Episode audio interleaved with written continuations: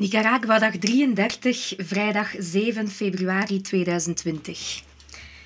Als ik het zo achteraf wil opschrijven, heb ik alweer zoveel op één dag gedaan.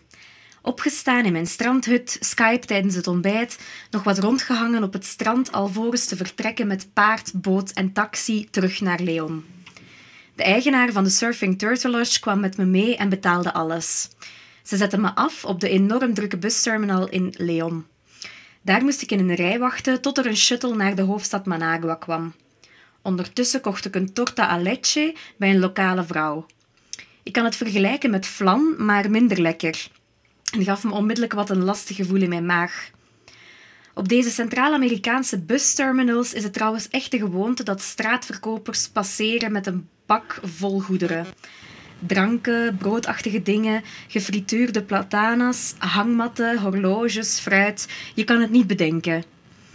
Deze shuttle dropte me dan in de busterminal van Managua, waar twee verkopers dan bijna om me vechten om me mee te nemen op hun bus naar Granada. We vertrokken en al snel zat de bus overvol. De naam Chicken Bus is echt niet gestolen. Je zit hier zo dicht op elkaar. Tegelijkertijd vond ik het wel heerlijk om weer zo onafhankelijk alles uit te zoeken en geeft me dit dan weer zo'n zalig ontdekkingsreizigersgevoel. Ik had in de Lonely Planet gids gelezen over het Oasis Hostel en dat deze echt aanbevolen was. Via booking.com had ik dus het Oasis Hostel in Granada geboekt, dat wel wat prijziger was dan gedacht, maar ik zag dat alles in de buurt zo duur was. En je raadt het misschien al, maar ik had dus de Oasis Hostel in Granada in Spanje geboekt en niet die in Nicaragua. Aan de balie ontmoette ik drie Belgen waar ik de avond mee zou doorbrengen. Ik ben nog eventjes de stad gaan ontdekken, maar zoveel vind ik hier eigenlijk niet te zien. Het is eerder het geheel van koloniale huizen dat te bezichtigen is. Daarna eten en indrinken met de Belgen en Nederlandse Anna, die ik in Leon had leren kennen, wat Amerikanen en Oostenrijkse en een Duitse. We gingen samen naar de Treehouse Hostel op 10 kilometer van Granada, waar een elektrofeest in een boomhut was. De shuttle, tussen aanhalingstekens, was een open truck voor dieren precies, waarin we dan recht stonden. Het was volle maan. Ik merk dat ik het hier makkelijker heb om op één avond met meerdere mensen te kussen zonder iets van gevoelens. Maar laat me vooral daarna weer mijn eigen ding doen en blijf niet aan me plakken. Na terugkeer wouden we nog iets eten en waren we getuigen van een vechtpartij met een gebroken fles.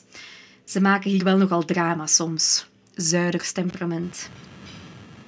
Nicaragua dag 34, zaterdag 8 februari 2020. Ik heb het even lastig, want ik zit met een onvervulde behoefte. Ik heb echt nood aan een deftig, loeihard technofeest. Is dit het gevoel van homesick? Oké, gisteren was zo van die tropische electro, maar ik wil het echt kunnen voelen, tot diep van binnen. Door de muziek keihard door mijn oortjes te knallen kom ik in de buurt, maar wordt het verlangen enkel groter, omdat ik het zo net niet aanraak. Twee uur later. Ik heb het echt lastig met mijn emoties. Ik voel me heel dubbel als ik door de gezellige straatjes wandel. Enerzijds is het zo mooi en vertederend dat het sociaal leven zich op straat afspeelt. En anderzijds zit ik dan Netflix te kijken tijdens de beste pizza ooit, omdat ik weer alleen moet dineren en ik dat niet onder controle heb. Ik wil niet alleen zijn, maar ik heb ook geen zin om alweer nieuwe mensen aan te spreken. Ik heb wel eens rondgekeken in de hostel, maar zie niet echt iemand waarbij ik op het eerste zicht mee zou kunnen connecteren. Zo lastig. Anne eet bij haar homestay, maar nu ik terug in de hostel ben, heb ik ook minder zin om opnieuw te vertrekken. Zo dubbel. Vandaag was ik nogthans de hele dag in gezelschap. Ik was met acht andere meisjes, solo-travelers, aan het uh, Lago de Apoyo gaan uitkateren. Ik was wel passief. Boek en dutjes boven kajakken.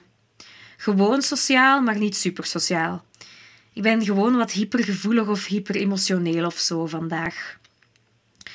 Lago de Apoyo, of Laguna de Apoyo, is trouwens een meer in de krater van een vulkaan. Daarom is het water ook warmer dan een normaal meer. Het diepste punt is 200 meter diep.